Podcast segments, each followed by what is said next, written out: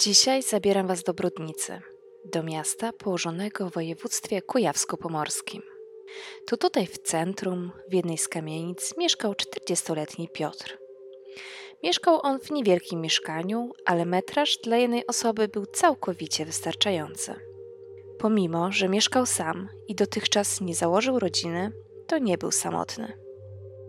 Od lat związany był z tą samą kobietą, kasjerką z jednego z miejscowych kantorów wymiany walut. Mężczyzna na co dzień pracował w zakładzie zegarmistrzowskim swojego ojca. Z rodzicami miał bardzo dobry kontakt. Codziennie dzwonili do siebie, a Piotr także często odwiedzał swoich rodziców. Zresztą trudno się dziwić, mieszkali po sąsiedzku. I tak też było 15 lipca 2003 roku. Piotr, jak zawsze przed rano do pracy, południu odwiedził matkę, a około godziny 20 spotkał się z ojcem, by mu pomóc w jakichś drobnych domowych sprawach. Kiedy już skończył pomagać, wrócił do swojego mieszkania. Nazajutrz, 16 lipca 2003 roku, w środę, Piotr nie pojawił się w pracy. Rodzice na początku pomyśleli, że pewnie gorzej się poczuł. Do swojego syna na początku próbuje dodzwonić się matka, później ojciec. Niestety, telefon Piotra nie odpowiada. Rodzice są bardzo zaniepokojeni. Przecież mężczyzna zawsze miał komórkę przy sobie. Jak nie mógł odebrać, to chociaż oddzwonił. Jednak nie tym razem. Mijały kolejne kwadranse, ale Piotr nie odzwaniał. Dlatego jego mama poszła do mieszkania w centrum Brodnicy sprawdzić, czy na pewno wszystko jest w porządku. Niestety, domofon również milczał. Kobieta była coraz bardziej zaniepokojona. A jeżeli Piotr zasłał w łazience, może potrzebuje pomocy. Matka Piotra oraz sąsiedzi zobaczyli otwarte okno w mieszkaniu mężczyzny. Pomimo, że mieszkał on na parterze, to jednak nie dało się dostać do środka z ulicy. Ale jeden z sąsiadów wpadł na bardzo dobry pomysł. Pomyślał, że warto podłożyć drabinę do zewnętrznej ściany, po której będzie mógł wejść do środka.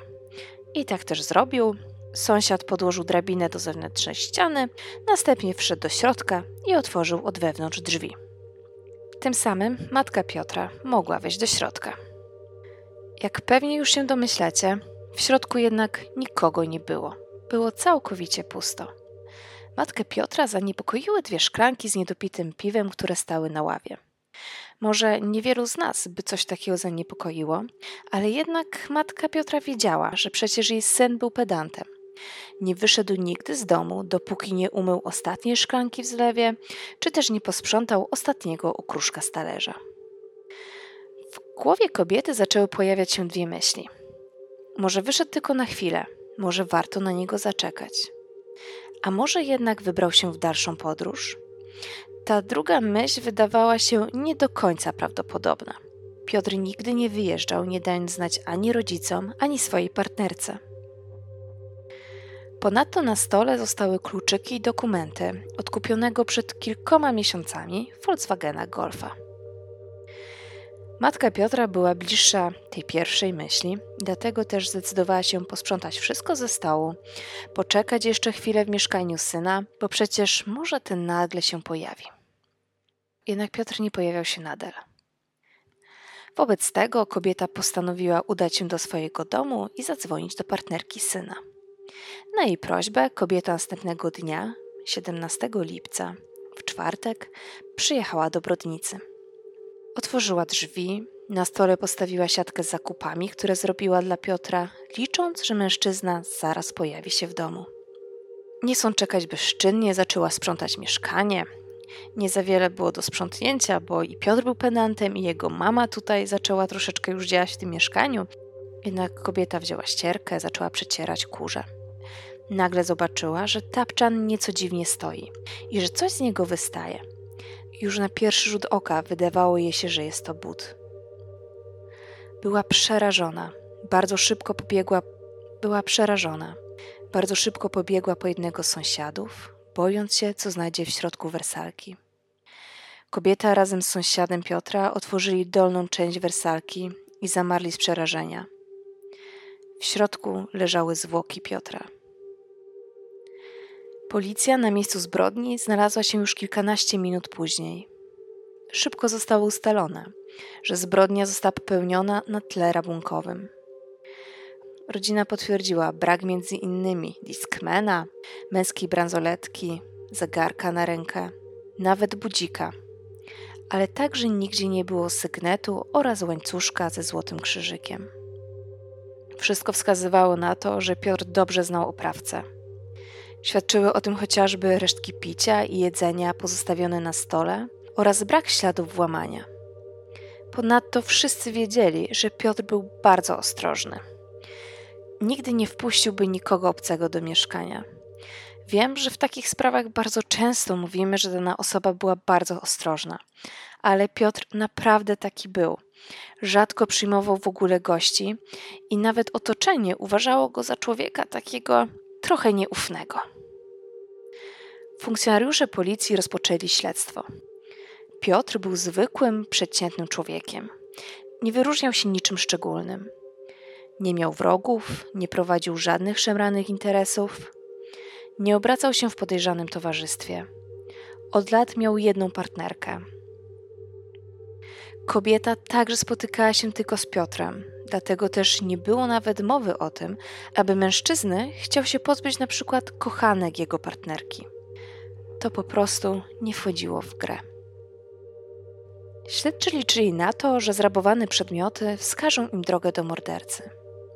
Dlatego też już na początku sierpnia zapadła decyzja o kontroli kilkudziesięciu lombardów w okolicznych województwach. I przyniosło to efekt.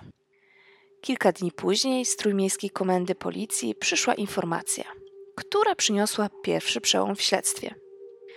Poszukiwana biżuteria odnalazła się w Lombardzie, na dworcu głównym PKP w Gdańsku. Właściciele Lombardu szybko sprawdzili dokumentację, z której jasno wynikało, że męski sygnet oraz łańcuszek z krzyżykiem pozostawił tam niejaki Maciej. Kim był Maciej i czy rzeczywiście on mógł mieć związek ze sprawą Piotra? Maciej miał wówczas 34 lata. Był wysokim, sympatycznym blondynem. Niemalże całe swoje życie spędził w Brodnicy. To tutaj się wychował i skończył szkołę zawodową. W szkole nie sprawiał problemów. Nie wagarował, nie pił, nie palił, nie brał narkotyków. Podobno z wojska został zwolniony wcześniej za nieudane próby samobójcze. Czy taka była prawda? Aktualnie ciężko to określić. Z zawodu był mechanikiem urządzeń kolejowych i na początku rzeczywiście pracował na brodnickiej kolei. Potem jednak zajął się budowlanką. Był żonaty, miał dwoje dzieci i bardzo dobrze znał Piotra, w końcu mieszkali po sąsiedzku. Mamy więc podejrzanego, którego tak naprawdę wystarczy spytać, jakim sposobem zrabowane rzeczy Piotra znalazły się w jego rękach. W tym momencie sprawa wydaje się bardzo prosta. Niestety, nic bardziej mylnego. Odnalezienie Macieja nie było takie proste. Co prawda, był zameldowany w Brodnicy, w mieszkaniu, w którym niegdyś mieszkał wraz ze swoją żoną i dziećmi, ale od prawie roku przybywał poza miejscem zamieszkania. Swojej żonie powiedział, że wyjeżdża na wybrzeże w poszukiwaniu pracy. I rzeczywiście była to prawda, ponieważ w domu pojawił się co kilka tygodni, zostawiając swojej rodzinie pieniądze na życie. Jednak po raz ostatni przyjechał w odwiedziny do rodzinnego miasta właśnie 15 lipca, dokładnie tego dnia, kiedy został zamordowany Piotr. Żona Macieja nie była w stanie podać żadnych szczegółów o tym, gdzie znajduje się jej mąż, gdzie pracuje, gdzie wynajmuje mieszkanie. W końcu stosunki między nimi od dłuższego czasu nie były za dobre. A Maciej nie miał nawet telefonu komórkowego. Operacyjne ustalenia policji były zbieżne z tym, co mówiła żona Macieja. Rzeczywiście kobieta nie kłamała i stosunki między małżonkami nie układały się najlepiej a Maciej prawdopodobnie już jakiś czas temu rozpoczął całkiem nowe życie z nową kobietą gdzieś na wybrzeżu. Pomimo intensywnych poszukiwań, Macieja nie udało się odnaleźć policji. I tak jedyny trop zatrzymał się w martwym punkcie. Nadszedł wrzesień 2003 roku. Z Brodnicy przenosimy się do Gdańska. to właśnie tam mieszkała ponad 80-letnia pani Wiesława. Kobieta mieszkała wraz z córką oraz wnukiem w typowym bliźniaku zbudowanym przed wieloma laty w jednej z gdańskich dzielnic. Poza domem na posesji znajdowało się jeszcze pomieszczenie gospodarcze, które z czasem zostało zaadaptowane na mieszkanie, które kobieta wynajmowała lokatorom. Dzięki temu mogła nieco dorobić sobie do emerytury. I to właśnie pieniądze z wynajmu oraz emerytury były jej jedynymi źródłami utrzymania. 19 września 2003 roku córka pani Wiesławy jak każdego dnia wyszła do pracy.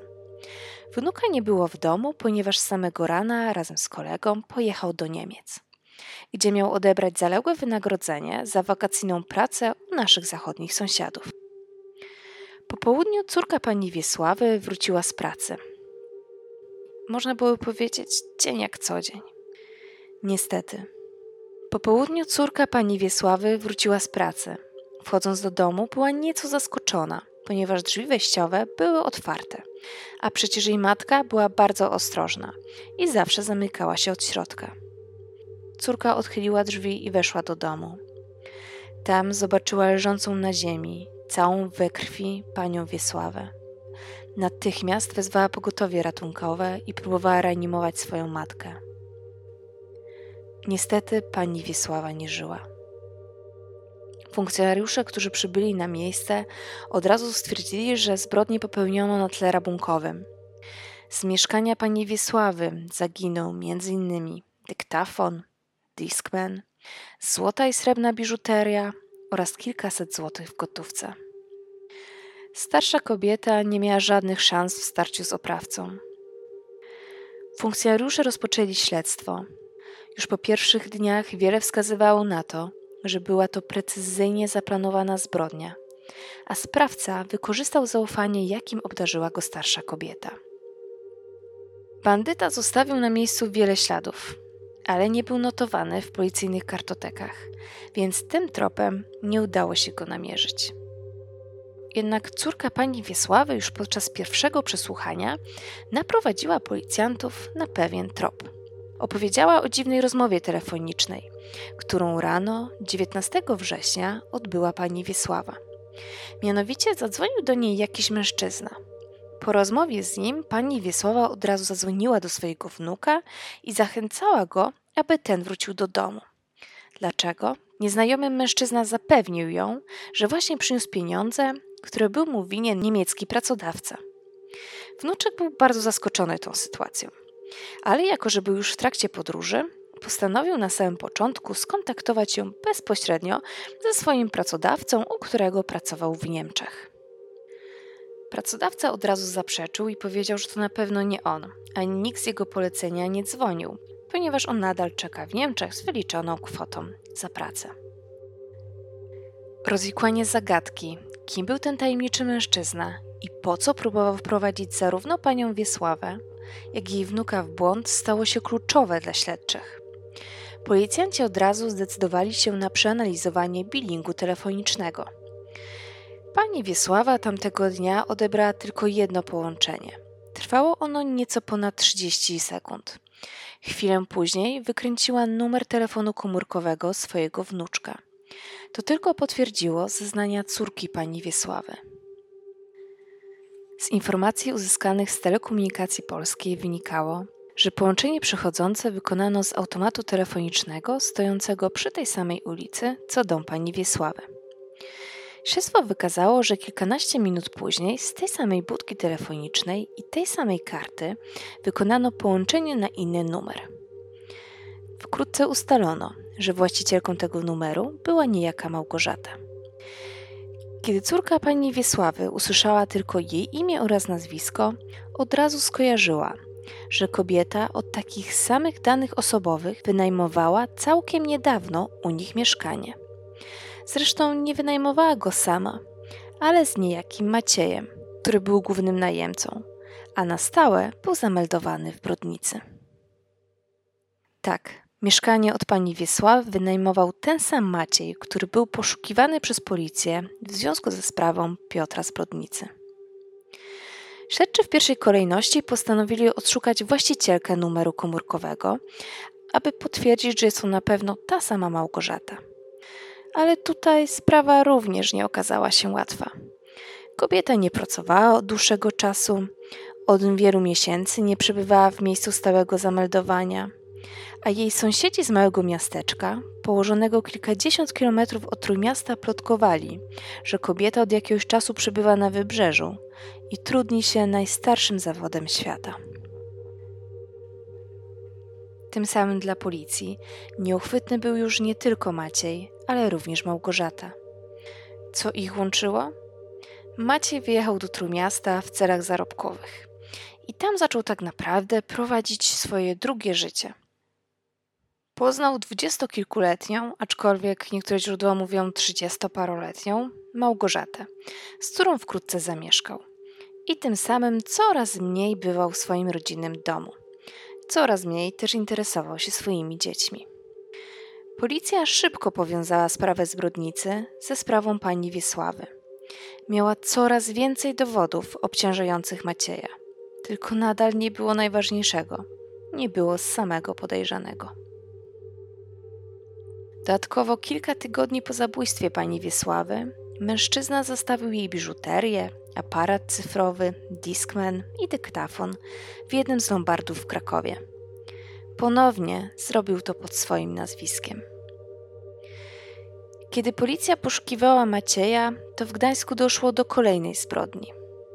16 października 2003 roku w Redzie pewien mężczyzna znalazł zwłoki swojego przyjaciela z sąsiedztwa.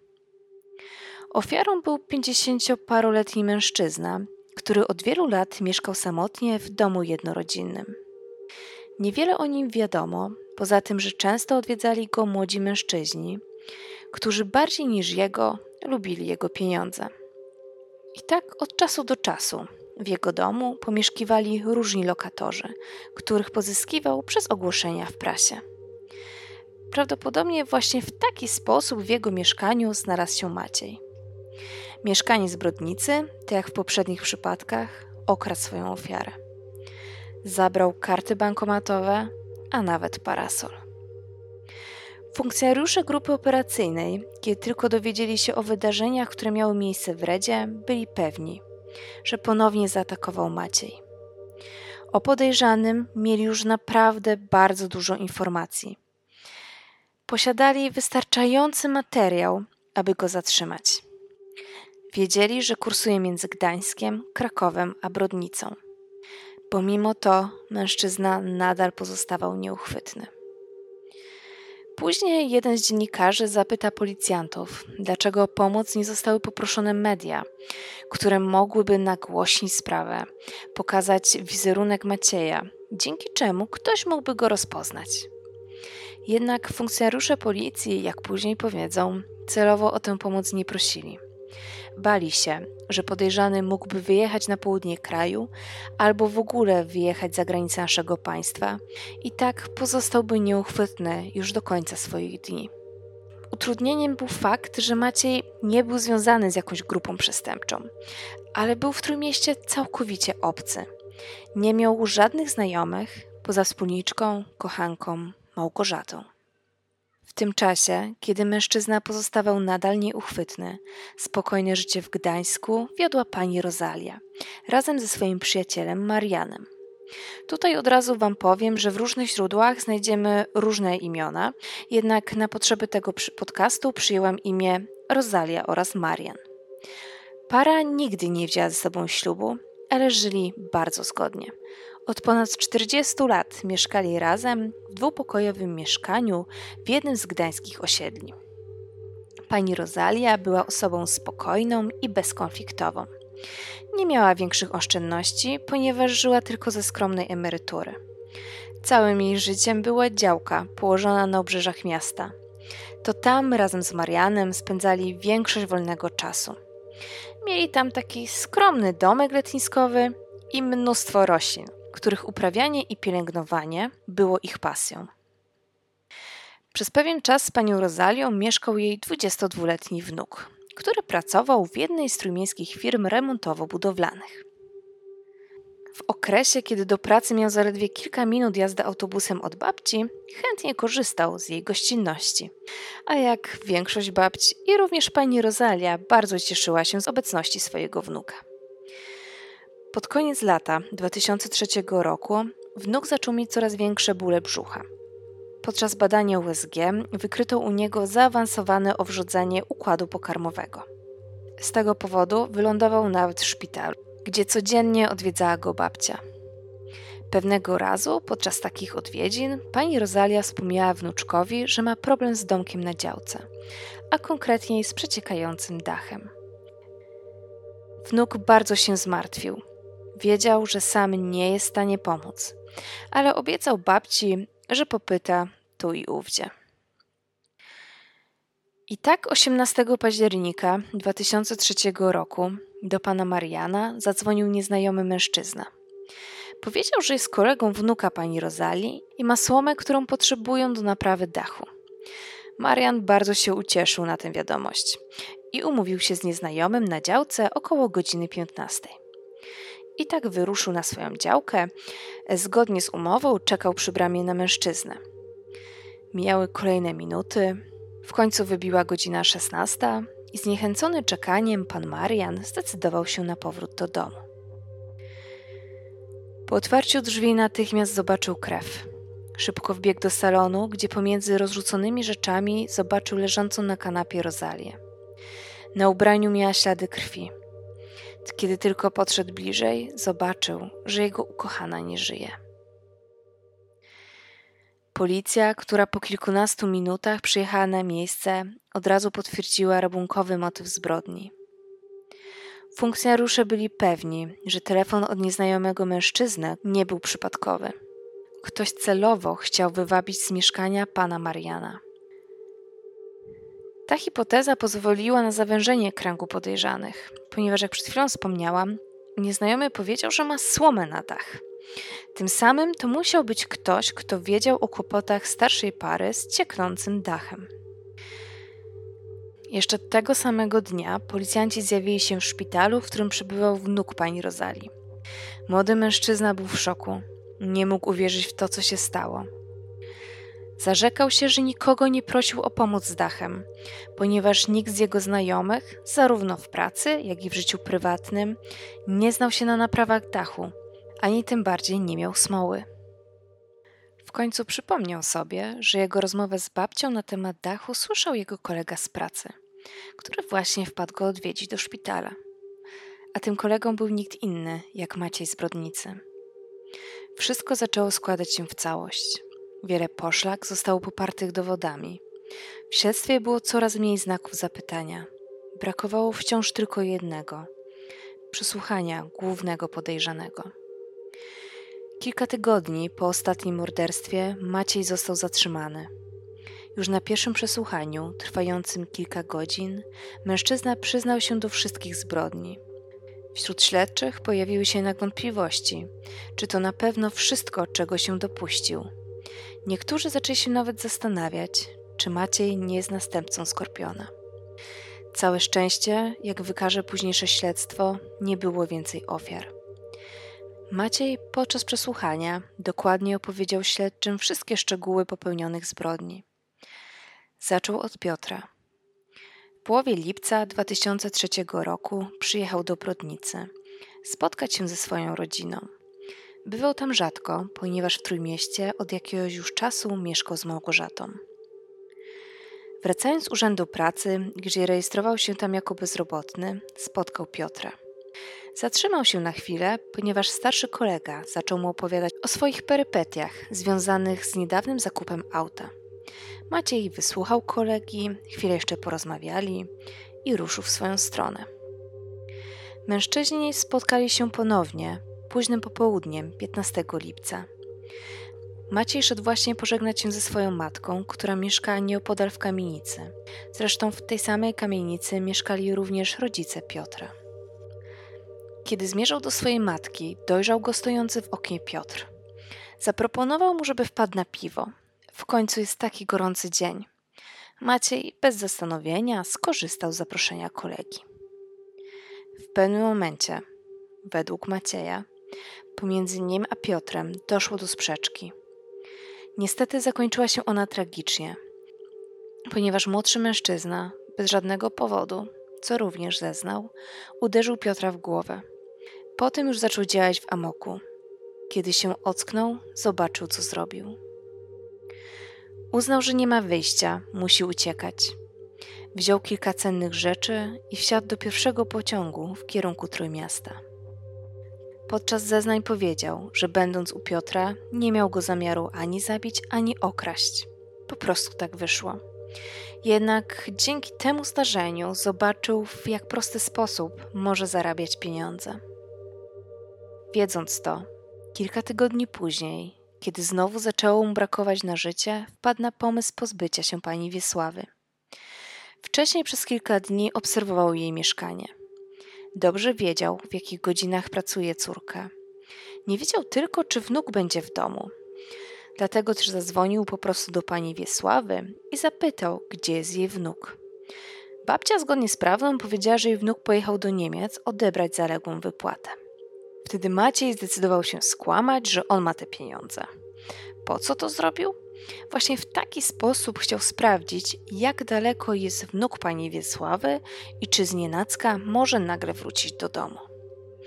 Kiedy dowiedział się już od pani Wiesławy, że jej wnuk jest blisko granicy, był pewien, że starsza kobieta jest sama w domu i na pewno przez jakiś dłuższy czas będzie nadal sama. Wiesława bez wahania wpuściła Macieja do domu. Przecież go dobrze znała. Był miłym mężczyzną, który całkiem niedawno razem ze swoją partnerką wynajmował u niej mieszkanie. Niestety to spotkanie zakończyło się tragicznie. Kolejna ofiara, ponad 50-letni mężczyzna, była przypadkowa. Maciej dowiedział się, że ów mężczyzna jest bardzo zamożny i chętnie utrzymuje młodszych od siebie mężczyzn. Mieszkaniec Brodnicy postanowił to wykorzystać. I w taki sposób przy pierwszym spotkaniu pozbawił go życia, potem rabując jego mieszkanie. Policjanci zapytali Macieja, dlaczego wobec tego zaatakował babcię swojego kolegi. Powiedział, że po prostu wziął zbyt dosłownie słowa jej wnuka, który któregoś dnia przy piwie zażartował, że gdyby miał problemy finansowe, to skubałby własną babcię, która ma bardzo dużo pieniędzy. Maciej wtedy nie odpowiedział, ale postanowił zrealizować ten plan na własną rękę. Na początku grudnia 2003 roku prokuratura okręgowa w Gdańsku postawiła Maciejowi zarzuty. Groziło mu dożywocie. I nagle oskarżony niespodziewanie zmienił składane dotychczas wyjaśnienia. Kłamanie jednak nie wychodziło mu zbyt dobrze. Jego zeznania bardziej przypominało bajkopisarstwo niż przemyślaną historię. Ani sąd, ani prokuratura. Nikt nie dał się zwieść tej zmianie zeznań. Maciejowi groziło dożywocie. Pomimo tego w sądzie zachowywał spokój. Uważnie przyglądał się tylko Małgorzacie, swojej kochance, która podczas śledztwa pogrążyła go, opowiadając o zbrodniach dokonanych przez Macieja. Małgorzata nie była tylko świadkiem, ale także usiadła na ławie oskarżonych. Prokuratura oskarżyła ją o zbycie zrabowanych przez Macieja przedmiotów oraz o zacieranie śladów. Sąd przesłuchanie rozpoczął właśnie od niej. Kobieta przed złożeniem zeznań poprosiła, aby Macieja usunąć z sali rozpraw. Mówiła, że po prostu bardzo się go boi. Kiedy już Maciej opuścił salę, Małgorzata zaczęła opowiadać historię ostatnich miesięcy. W marcu 2007 roku, czyli aż 4 lata po dokonanych zbrodniach, sąd ogłosił wyrok. Wówczas już 38-letni mężczyzna został skazany na dożywocie. Działał on zawsze w taki sam sposób, zadając niemalże identyczne ciosy. W uzasadnieniu wyroku sędzia Włodzimierz Brazewicz powiedział, że żadna inna kara niż dożywocie nie mogła zostać wymierzona. Oskarżony przy dokonywaniu przestępstw wykazywał się wielkim stopniem okrucieństwa, co świadczy, że jest osobą zdegenerowaną i pozbawioną uczuciowości. Na wolności stanowiłby zagrożenie dla otoczenia. Warto zaznaczyć, że ten proces nie był poszlakowy a dowody były niepodważalne. Maciej w miejscach zbrodni zostawił odciski palców i ślady DNA. Mężczyzna jednak nie wysłuchał wyroku. Nie było go na sali rozpraw, ponieważ wcześniej złożył wniosek, że nie chce być obecny podczas ogłoszenia wyroku. I tak bez jego obecności został skazany na dożywocie. O przedterminowe zwolnienie z więzienia będzie mógł się ubiegać po 30 latach. Został także pozbawiony praw publicznych na 10 lat. Pozbawienie praw publicznych oznacza m.in., że przez 10 lat nie będzie mógł głosować w wyborach. Małgorzata została skazana na 2 lata pozbawienia wolności. I tak kończy się ta historia. Maciej skazany na dożywocie z możliwością wyjścia z więzienia najwcześniej po 30 latach. A życia czterem osobom niestety już nikt nie zwróci. Informacja o tym, że to Maciej stoi za tym wszystkim, wstrząsnęła mieszkańcami Brodnicy. Mieszkańcy miasta dobrze go znali, przecież mieszkał tam całe swoje życie. Nikt nie krół zdumienia, przecież to był taki dobry, miły, normalny chłopak. Niektórzy nawet starali się go poniekąd tłumaczyć. A może powiedzenie, że tłumaczyć nie jest tutaj zbyt dobrym sformułowaniem, ponieważ może chcieli znaleźć tylko przyczynę takiej przemiany. Pojawiły się głosy, że może to wybrzeże go zmieniło, może wpadł w złe towarzystwo, a może ta nieustająca pogoń za lepszym życiem, za chlebem, popchnęła go do tych zbrodni. Oczywiście, jak to zwykle bywa przy takich sytuacjach, część osób od razu powiedziała, że od początku wiedzieli, że coś złego siedzi w Macieju. Było to przecież widać w jego oczach, w jego ruchach. Prawda jednak była taka, że po Macieju nikt się tego nie spodziewał. Wyrok został wydany, a w tej samej kamienicy nadal mieszkała matka Piotra, jak i matka Macieja. Jeden z dziennikarzy po tych wszystkich wydarzeniach pojechał do tej kamienicy. Chciał porozmawiać nieco z jedną matką, jak i drugą, ale również z sąsiadami. Jednak obie matki odmówiły mu wywiadu. Zresztą sąsiedzi nie chcieli także już dłużej mówić o tej sprawie. Powiedzieli tylko, że matki, które kiedyś znały się bardzo dobrze, teraz do siebie się w ogóle nie odzywają. Nie mówią sobie nawet dzień dobry. Trudno się dziwić. Obie kobiety straciły swoich synów. Życia Piotra nikt nie zwróci. Jego matka może odwiedzać go już tylko na cmentarzu. Natomiast matka Macieja, chociaż może spotkać się z synem, to zresztą robi często. Wysyła mu paczki żywnościowe, listy, odwiedza. W końcu to nadal jej syn. Ojciec Piotra rozmawiał z kobietą od razu po tym, jak Maciej został oskarżony o morderstwo. W histerii przybiegła do niego prosić o wybaczenie. Ojciec Piotra wybaczył, ale od tego czasu nie zamienili już żadnego słowa. Maciej pozbawił życia aż cztery osoby. Zrobił to tylko dlatego, że znalazł prosty sposób na zarabianie pieniędzy bez mrugnięcia okiem pozbawiał życie osoby, które znał. Wszystko po to, aby w łatwy sposób zarobić pieniądze.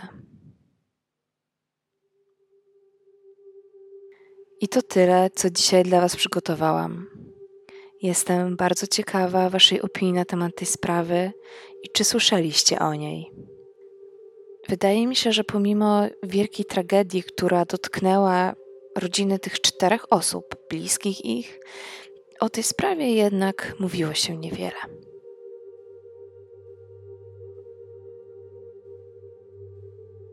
Do usłyszenia.